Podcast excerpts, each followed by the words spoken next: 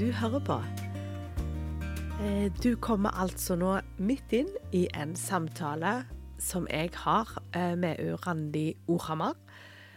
Vi snakker om eh, relasjon og om relasjonen sin til Jesus. Og hun har akkurat fortalt litt om hvordan det er å på en måte gjøre seg sårbar i, en, i et møte med Jesus.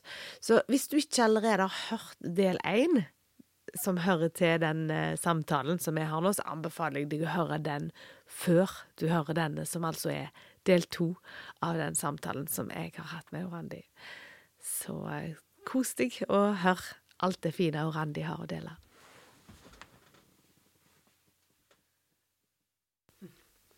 Hvordan ser det ut, liksom? At du er ubeskytta i møte med han? Hvordan er det, hva jeg tenker, er det når du er Når du har opplevd vanskelig, da, eller er det bare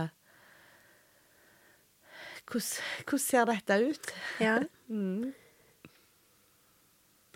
Jeg, jeg tenker at jeg har ofte vært opptatt Det har fascinert meg da når jeg liksom hører bibelhistorier eller leser i Bibelen, eh, og oppdager forvandlingen, som òg gjenspeiler sikkert mitt møte som 16-åring òg, og seinere. Altså den der forvandlingen fra innsida når mennesket møtte Jesus. Eh, om det er kvinner ved brønn Altså veldig mange av personene, alle disiplene, når en møtte Jesus, så skje, så det ut til å skje en forvandling i liksom i hvem man blei som person. Man kunne være Og det er der jeg tror det handler om at en kan være helt ærlig. Altså, jeg kan komme Jeg kan på en måte bekjenne min utilstrekkelighet. Eh, det der forbeholdet som jeg ellers liksom eh, Alle har lyst til å vise seg fra sin beste side. Men i møte med Jesus så kan jeg liksom komme akkurat sånn som jeg er. Og det er kanskje det som er det der ærlige, litt mer nakne, uforbeholdne. Som jeg kjenner at jeg relasjonelt kan hvile meg i, da, på en helt annen måte. I relasjon med han.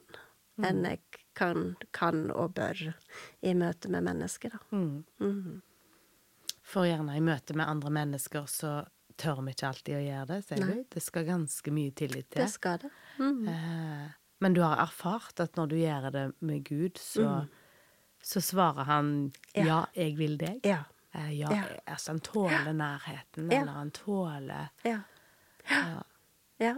Det- Han rykker ikke, liksom. Det er jo det som er så fantastisk. Han der med mennesket rykker litt tilbake, eller stopper litt opp, eller på en måte eh, ta det der lille forbeholdet, da, så gjør ikke Gud det. Mm. Han blir stående, og han tar enda et steg nærmere. Han eh, Ja, han tar var- ikke anstøt. Det var liksom et litt fint ord du sa om deg sjøl, at du er litt vaktsom. Mhm. Det er jo egentlig kanskje en, en klok ting å være det, i Ja. møte med andre mennesker og sånt. Ja. ja. Men ikke i møte med Gud, da tenker du. Nei. Da er, trenger man ikke være vaktsom. Nei, nei. Men jeg tror kanskje at forvandlingen i oss mennesker når vi møter Gud, eh, handler om at vi kom som vi var. Og de fleste av oss kommer nok med en vaktsomhet. Og så får den vaktsomheten lov til å miste, altså pulveriseres litt, da. Når en møter hans kjærlighet og omsorg. Eh, så ja, et lite barn kommer kanskje helt uten vaktsomheten. Men eh, de fleste av oss som på en måte har møtt livet litt, tror jeg har vaktsomheten, og det er naturlig at vi har den med oss i møte med Gud òg, da. Og at det er der jeg syns det er helt fantastisk, når jeg forsto at det fins den Altså, Gud er en person, så det er en menneskelig relasjon som kan leves, da. Eh, og som faktisk kan være med å, å hele og forvandle mitt hjerte, da. Fra å gå fra å være et litt vaktsomt hjerte til å bli et tryggere hjerte. Og det er jo der jeg tenker at det òg er en kobling fra på en måte Guds liv og Guds relasjon til hvordan Gud har designa fellesskapene våre. Eh, at hvordan kan vi eh, gjenskape noe av den relasjonen, som selvfølgelig ikke blir like fullkommen, for vi er ikke Gud, men hvordan kan vi gjenskape den i møte med hverandre? Eh, og hjelpe hverandre og, og eh, ta vare på hverandre på andre måter, som kan være med å, å hele. Sånn som jeg opplever at gudsrelasjonen har hela, da. Fra det vaktsomme til det mer trygge. Og hele, sier du. Da er det jo noe som var litt ødelagt. Ja. Eller det var noen sår Ja. som trengte å gro. Ja. Ja. Mm. Og det har vi alle, tenker du da, på en Ja. måte? ja. Det trenger det ikke være bare de som har opplevd fæle ting, eller liksom Absolutt. Livet gir oss litt sår og litt arr og litt Ja. eh, skrammer. Ja. Ja. Ja. Absolutt. Alle bærer med seg eh, skuffelser, nederlag. Altså, alle har med i større og mindre grad blitt tråkka på, og på en måte opplevd smerte i relasjon, da, med andre mennesker.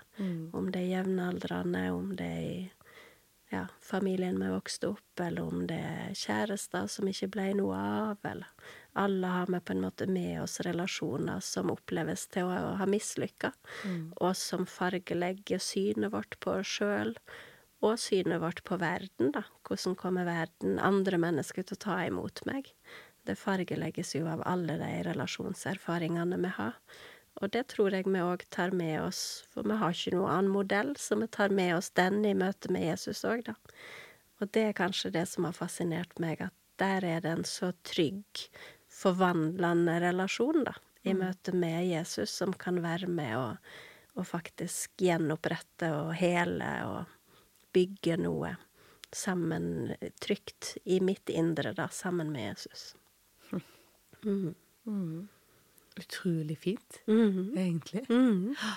Det er det. Og at Ja, det det er gjelder liksom alle relasjoner. Ja. Eh, ja. Ja.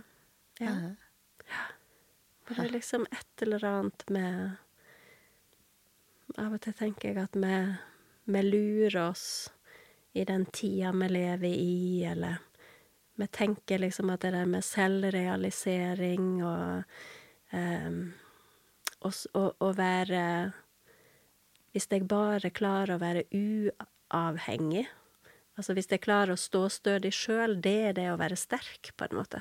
ja. Og så tenker jeg ah, Men er det nå egentlig det? Er det på en måte Er det er, Det trenger ikke være ensomt å stå på egne bein, men jeg føler jo kanskje at de gangene jeg vokser mest, de gangene jeg eh, på en trygg grunn kan liksom tre ut i verden med et mot og med en trygghet, er jo når jeg er i en relasjon, ikke når jeg er sluppet ned alene i en, inn i et intet, på en måte. Så jeg tror jo at det liksom er i relasjon, i fellesskap, at vi egentlig har de beste vekstvilkårene, da. Men så lever vi i et samfunn som kanskje forherliger litt den der ideen om at eh, hvis du bare Hvis du bare Du står sterkere sjøl, liksom. Hvis du bare kan være Ikke trenge noen. Ikke gjør deg sjøl sårbar med å trenge andre. Bare eller, klar deg sjøl. Det er et eller annet der som jeg føler liksom eh, Ikke er sant. kanskje ikke er det beste for oss. Som er noe vi liksom tror på, men som, som virker mot sin hensikt på et eller annet vis, da, eller som skaper ensomheten i samfunnet vårt. Mm. Mm. Og som kanskje skaper det der lille forbeholdet som, eh, ja, som holder igjen, da, i relasjoner. Mm.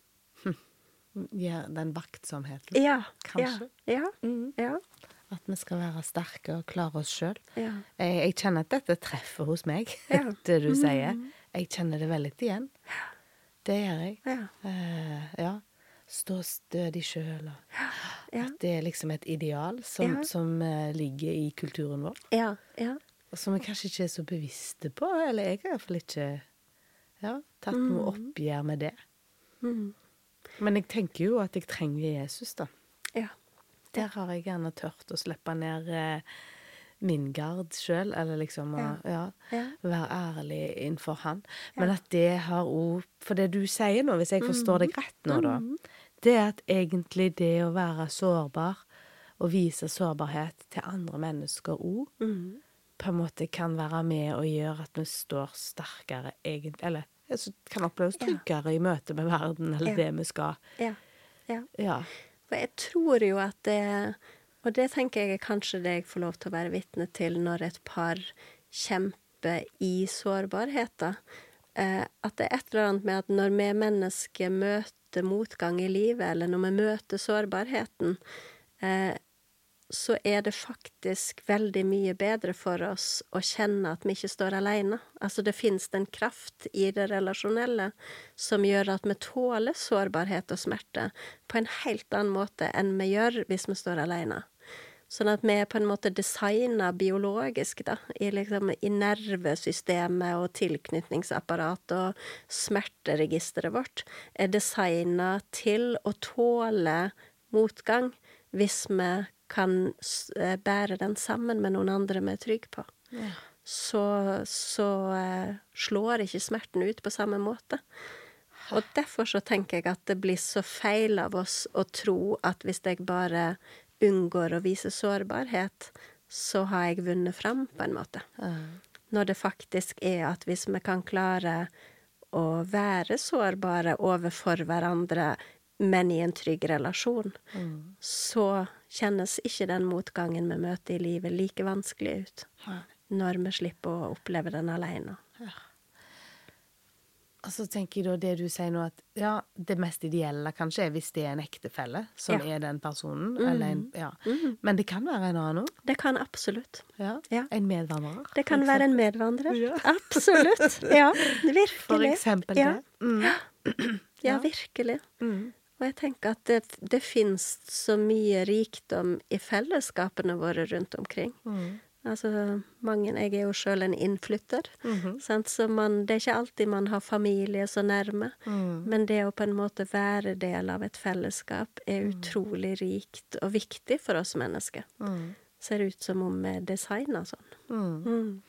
Ja, og for jeg tenker òg at liksom noe av det som vi snakker om nå, sant, det er vanskelige parforhold og sånt òg. Mm. Og det du sier, man må være to Mhm. for å ville f.eks. gå på familievernkontoret og få veiledning. Og jeg tror jo at det er mange der ute som ikke får det til. Mhm. Altså, for det er bare én som vil. Ja. Sant? Ja. Og da er kanskje noe av det Noe av de sårene som er i livet òg, er akkurat å, å tåle det. Ja. ja. Og da kan jo det å dele litt det med en annen fortrolig medvandrer være med å hjelpe. Absolutt. Ja, Mm. absolutt. Mm. Jeg kjenner jo at det syns jeg kanskje er det mest eh, Det vondeste, for når en sitter som terapeut eller rådgiver eller veileder, så, så er man med noen i det emosjonelle de gjennomgår i livet sitt. Og det vondeste stedet å sitte med noen kjenner jeg absolutt er når den ene vil, og den andre har bestemt seg at den ikke vil. Og det er like vondt for begge to. Men det syns jeg er det er de, det er de mest smertefulle øyeblikkene, og på en måte eh, kjærlighetens frie valg, da. Eh, som på en måte er det nydelige i kjærligheten, men det mest grusomt smertefulle òg i kjærligheten er jo å ikke bli valgt. Og det Og da blir det så tydelig for oss at vi trenger å være to, og begge må på det tidsrommet være bevega dit hen at en vil. Mm. Og det er jo et individuell beslutning. Mm.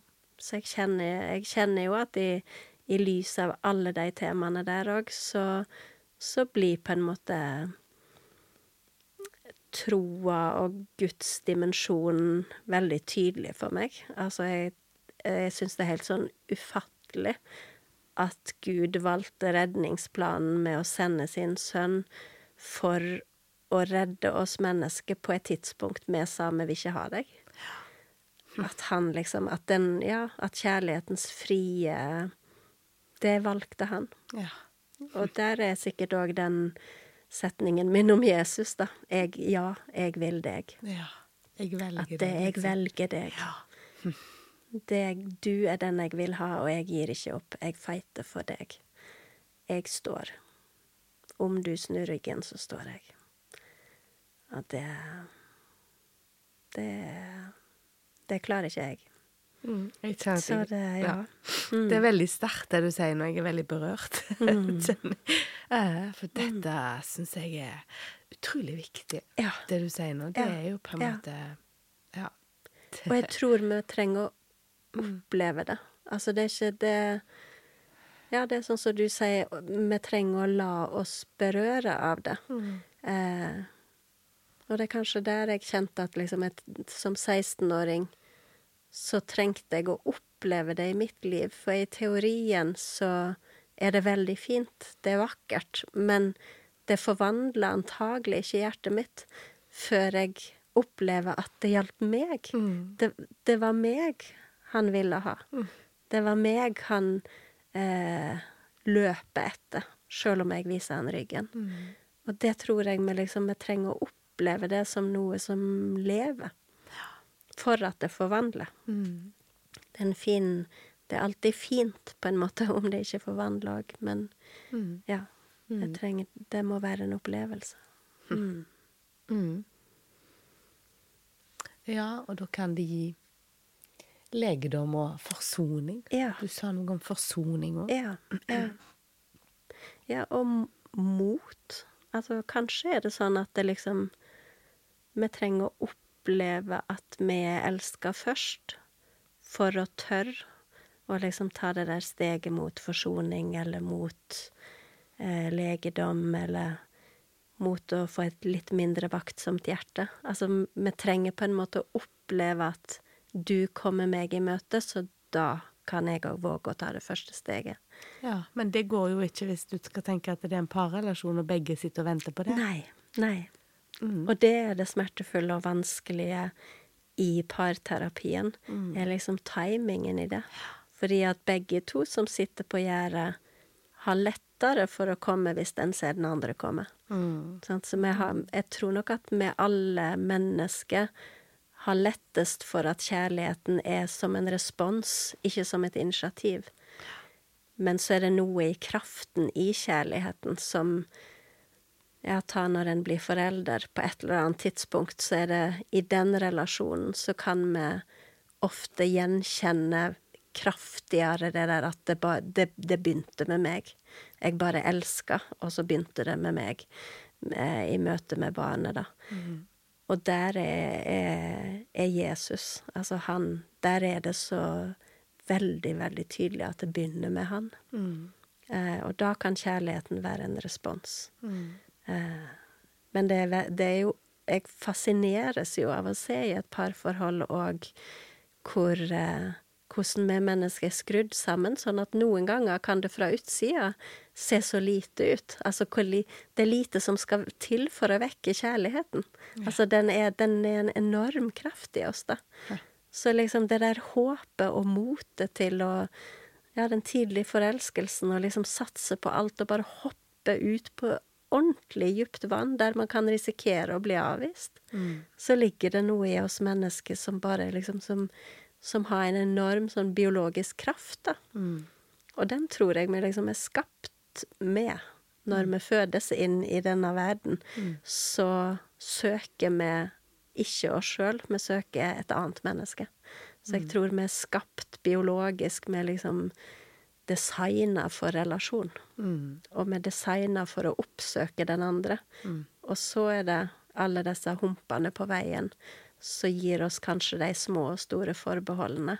Men kraften til å søke den andre, den er i oss. Så den er liksom det Noen ganger oppleves det som om det var veldig lite som skulle til for å vekke den. Mens andre ganger så kan det føles som det er et langt større ting som skal skje for å på en måte vekke det, da. Men det ligger noe i oss, og det er jo Det skaper Det holder jo troa som parterapeut òg på at det er mulig. Når en har sett den kraften som kommer i Kan være én utveksling av at en møter blikket eh, de to paret imellom, og på en måte ser hverandre, og så bare skjer noe på innsida som gjør at der Jeg kan ikke helt forklare hvorfor, men nå ser jeg at du, du mener det. Nå, dette er ekte. Her er det noe.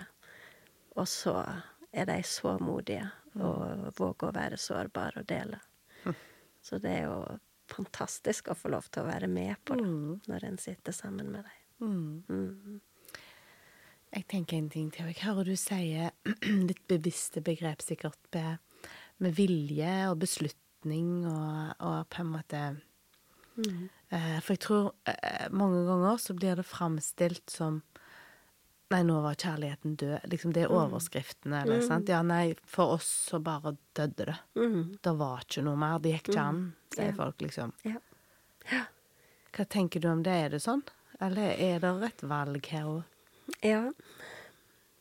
Det er helt sikkert veldig mange ulike meninger og svar på det.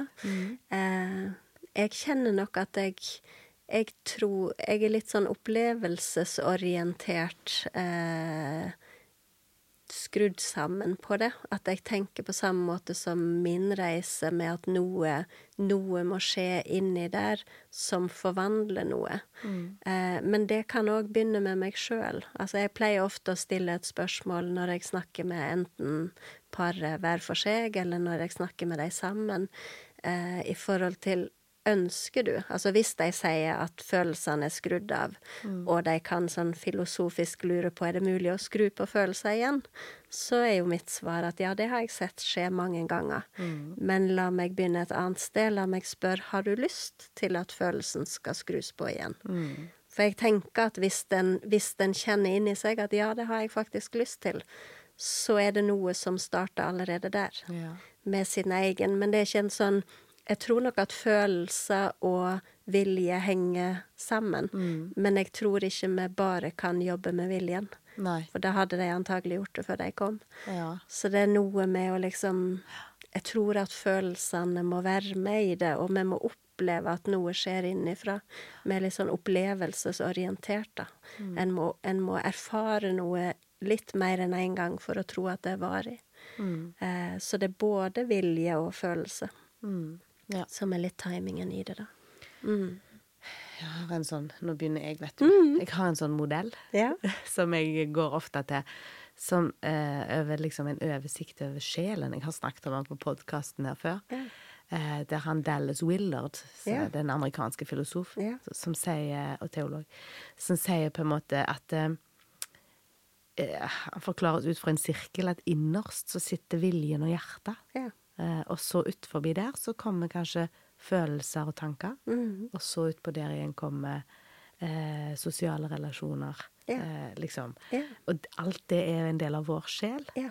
Ja. Um, ja. Mhm. Og så tenker jeg da på det som du sier nå, i forhold til det med å snu oss til Jesus, på en Mm. måte. Altså i relasjonen til han, da, så er jo viljen involvert, kanskje. Altså at du må ville det. Og tørre det. Mhm. Eh, for han sier viljen og hjertet er det samme, på en måte. Eller Ja. det, det innerste. Ja. Men jeg vet ikke. Ja. Ja, Så jeg fikk litt tanker om det nå når du eh, For å på en måte eh, Ja eh, Treffe Jesus, da. Altså for å på en måte gi seg hen til han, eller Ja. Mm. Så er kanskje viljen involvert. At Jesus, nå vil jeg møte deg. Ja. Ja. Eh, Ja. jeg vil deg òg, sånn som du Altså, Ja. for han sier 'jeg vil deg', Han sier det. Ja. Ja. men at vi òg sier da, når Ja. vi vender hjertet Ja. vårt til ja. han, Ja. 'jeg vil deg òg', på en måte. Ja. Ja. Ja. Ja. ja. Og da er det Da blir det en relasjon. Mm. Så da blir det på en måte noe gjensidig. Mm. Uh, ja. Mm. Og at det opplevelsesorienterte treffer kanskje, tenker jeg når du sier det, alle de sirklene, da. Mm. At det liksom at da Ja. trenger man erfaringene og innover og utover i sirklene òg, Mm. for å på en måte Mm. kjenne at det fester seg og blir en sannhet for en, da. Mm. Ja, det er helt sant. Det henger sammen. Mm. For, for, og det er derfor han sier jo sånn, han Dallas Willer, da, at det, ta vare på sjelen din. Altså Bibelen Ja. sier det. For at du er et helt menneske. Ja. Og at det gjelder alle disse tingene. Det gjelder alle relasjonene du, du står i. Eh, og det gjelder eh, tankene og følelsene. Mm. Uh, og det gjelder kroppen din. Den Ja. hadde jeg glemt, en Ja. sirkel. Det var en fysiske. Ja, ja, en veldig ja, fysisk. ja, Kroppen din òg er en Ja. del av dette. Ja, Det fysiologiske eh, som skjer. og Ja. ja, og så hjertet, på en måte, og viljen. Ja. Ånden sin er liksom det innerste. Ja. Ja. Jeg tror kroppen vår ofte um, Kanskje feil å si liksom snakke sannere, men den er i hvert fall ganske sånn autentisk, da. Ja. Så det syns jeg jo å se òg når en jobber med eh, krise eller smerte eller sårbarhet som par strev og par vansker er, da. Så ser en jo at res kroppen responderer kjempefort. Så mm. det der å, å bli nysgjerrig på ja, nå ser jeg, nå venter du deg vekk når hun sa det, eller hva skjedde med deg, nå får du tårer i øynene. Mm. Altså kroppen vår gir en veldig sånn rask respons, respons mm. på at noe skjer, men det er ikke alltid en er bevisst det. Ofte kanskje, i hvert fall for min del, ofte ikke. Mm. Ja, det kommer uh, ubevisste mm. kroppsspråk, men det er mm. virkelig et språk ja. vi bruker. Ja. ja. Og det har en på en måte fortelling. Noe skjedde.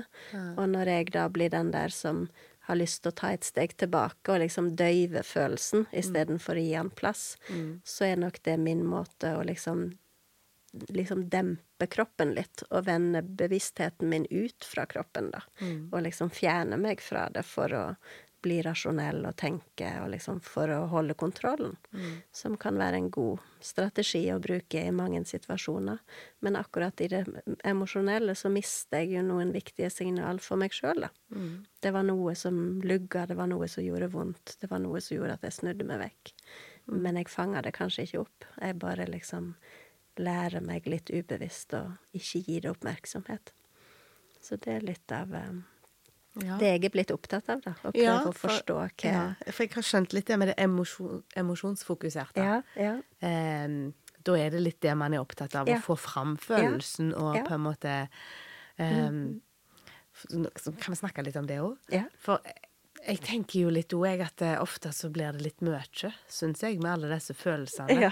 Og at eh, jeg har sagt flere ganger, gjerne på podkasten, jeg vet ikke, men at, at liksom følelsene våre forteller ikke alltid sannheten. Altså, de lyver av og til. Mm.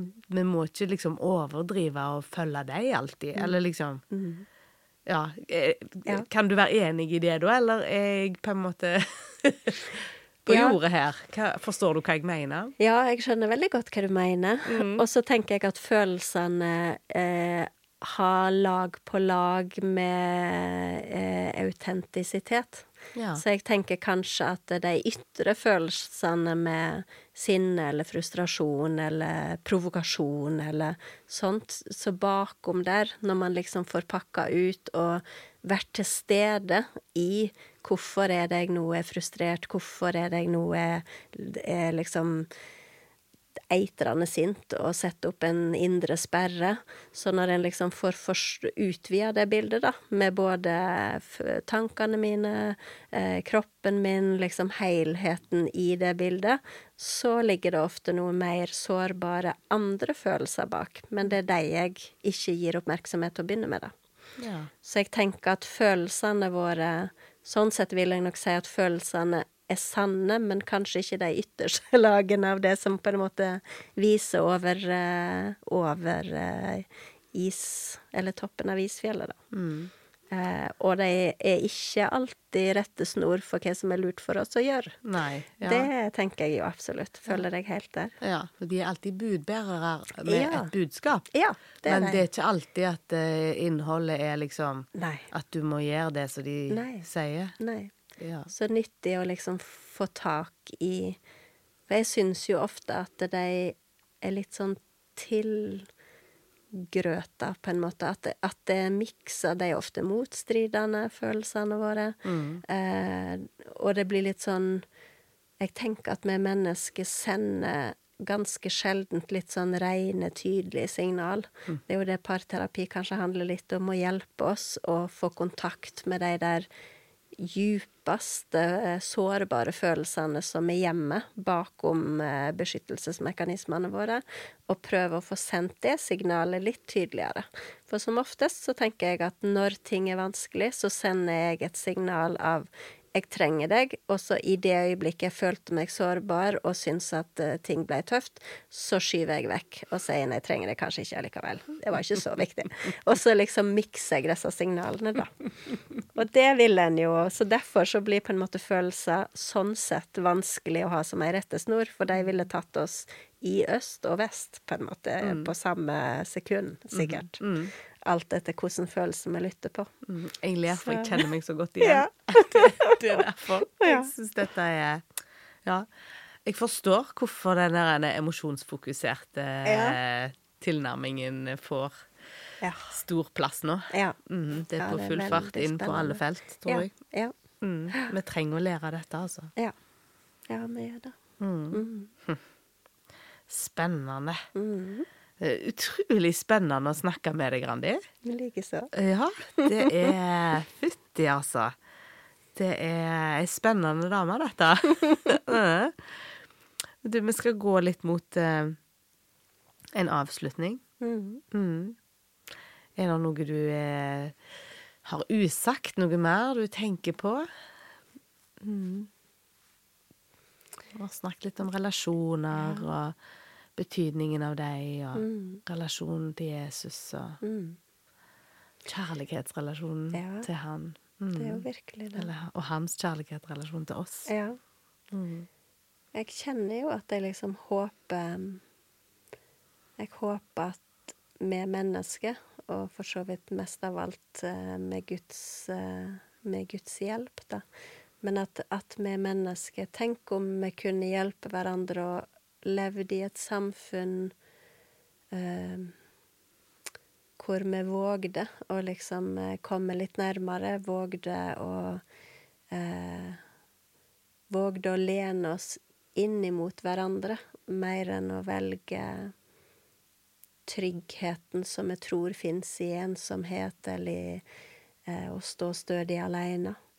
Eh, men så er det så veldig avhengig av eh, at vi tar vare på hverandre.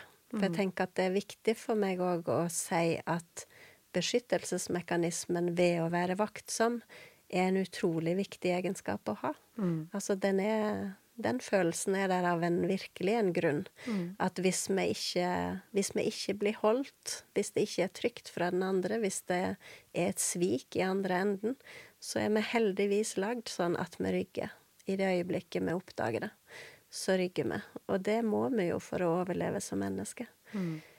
Mens når vi liksom i fellesskapene våre ikke får til de der helende eh, relasjonene hvor vi sender kanskje litt tydeligere signal, og klarer å på en måte eh, være i det litt mer sårbare, i det litt mer vanskelige noen ganger, men hvor det ligger potensialet til enorm vekst og glede og styrke i fellesskapene, så tenker jeg liksom at samfunnet vårt hadde vært bedre å leve i òg, da. Mm. Et bedre sted å være. Mm. At vi mennesker har ja, rikdom. Det ligger utrolig mye rikdom i menneskelige, gode relasjoner mm. som hadde Som jeg lengter etter at samfunnet vårt kan være. Mm. Og for min del så, så er det veldig mye henta ut av gudsrelasjonen, da. Mm. Som vi snakket om, at det er, der, det er der noe av den tryggheten kommer. Så det må jo være mulig å ta med seg den tryggheten man får i gudsrelasjonen, inn i de menneskelige relasjonene. Mm. Det er utrolig fint å høre hvordan du mm. liksom eh, bruker fagkunnskapen din her i lag med på en måte det Bibelen sier. Mm. Men jeg må bare spørre nå, gjør du det på jobb òg? Snakker du om, om, Gud og Jesus og hvordan dette henger sammen? Ikke sånn som jeg sitter og snakker nå. nei, nei. Eh, det er for jeg er statlig ansatt. Eh, men jeg tenker altså familieterapi, fagfeltet vi står på, og terapifeltet sitt fagfelt, tenker jo at en møter mennesket der mennesket er. Eh, og litt som du òg sa, at med ånd og sjel og legeme. Og, mm. og, jeg opplever jo absolutt at det kommer mennesker inn som ønsker parterapi, som forteller, helt innledningsvis, at jeg har ei tro, og den er viktig for meg. Og da er det min jobb å møte de menneskene der de står, i forhold til sitt syn. Eh, så noen ganger så opplever jeg jo at trosperspektivet er med i timene, fordi at en ønsker å ta det med mm. Eh, i samtalene sjøl. Men ellers så tenker jeg jo at jeg er den jeg er. Altså, jeg tror jo Mitt verdensbilde er jo forma av mitt gudsliv. Mm. Eh, men jeg, i, i, terapi så har ikke jeg et behov for å, å liksom eh, eh, definere verden for det andre mennesket. Da handler det om å være med og, og, gi refleksjoner og bidrag inn som fører det andre mennesket videre på sin vandring. Mm. Mm. Men jeg opplever jo at mange er på en måte mennesker med nysgjerrig på hverandre, da. Mm. Nysgjerrig på hva en tenker og tror. Og jeg opplever at i samfunnet i dag at veldig mange er opptatt av eh, en åndelig dimensjon. Eh, noen kaller det åndelig dimensjon, noen snakker om en religiøs dimensjon. Mm. Eh, men ofte litt andre ord enn det kanskje jeg og du sitter og snakker nå. Mm. Eh, men mm. veldig mange beskriver i krise at jeg venner meg, jeg håper det fins noe større. Mm. Jeg trenger å tro at, at det fins noe utafor meg, at det fins noe som kan holde ja. i møte med sykdom og smerte og vanskelige ting i livet. Mm. Så jeg opplever jo at mennesket er opptatt av alle dimensjoner av det livet vi lever. Mm. Og det er viktig at får plass i alle hjelpesituasjoner. Mm men leder an av de som kommer. Mm. Mm. Helt klart. Hm. Så fint. Du sier det på så fine måter, Randi. Mm. Nydelig å snakke med deg. Jeg tror vi skal gå mot en avslutning nå, da. -hmm. Og da har jeg veldig lyst til å be for deg, ja. hvis jeg kan få lov til det. Det får du lov til. Ja. -hmm. Da tror jeg bare vi gjør det. -hmm. Gode far. Jeg har lyst til å takke deg for Narandi. Jeg har lyst til å takke deg for eh, alle de gode tingene hun har delt med oss nå i dag. Jeg har lyst til å takke deg for alt det du har lagt ned i henne. Takk for den forvandlingen som du har gjort inni henne, og fortsetter med å gjøre.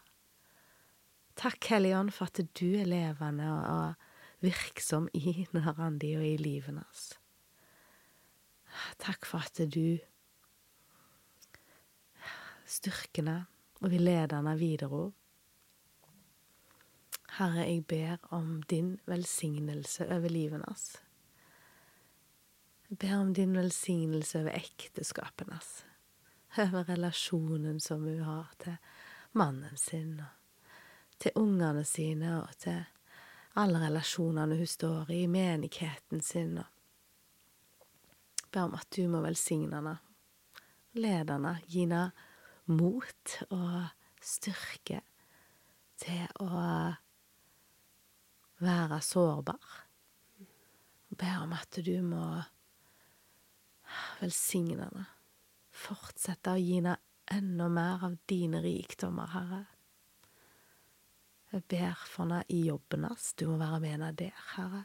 På familievernkontoret, i møte med alle parene som hun treffer, kollegaene sine, ber om at du må ja, være med henne videre der, Herre, og bruke sånn som du ser.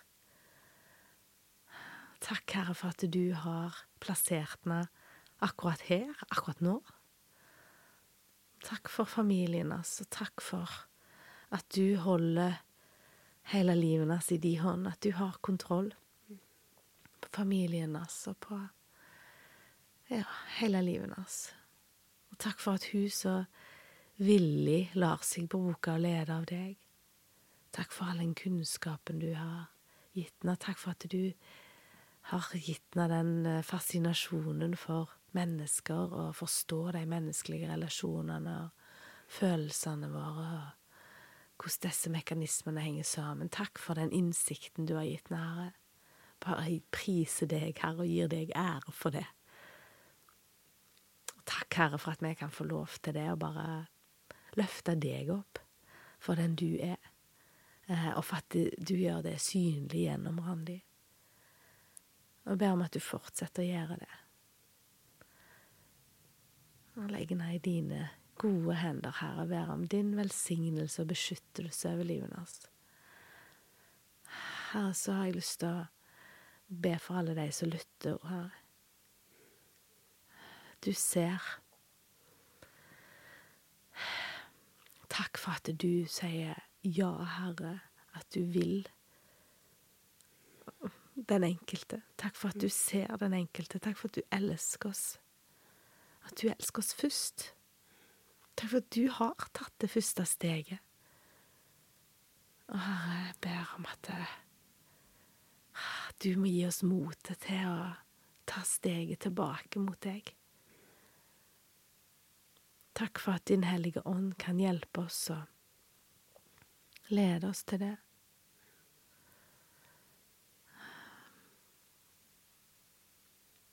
Vi ber om din velsignelse, Herre. Herren velsigne deg og bevare deg. Herren lar sitt ansikt lyse over deg. Herren løfter sitt åsyn på deg. Herren gir deg av sin nåde, og Herren gir deg av sin fred. Amen. Tusen takk til deg som lytter på. Send meg gjerne en uh, tilbakemelding eller en uh, tips eller uh, hva som helst. Jeg er veldig glad for respons. Og tusen, tusen takk, Randi, til deg for at du kom, og for det du delte. Takk for at jeg veldig kjekt. Ja, veldig kjekt. Ja, likeså.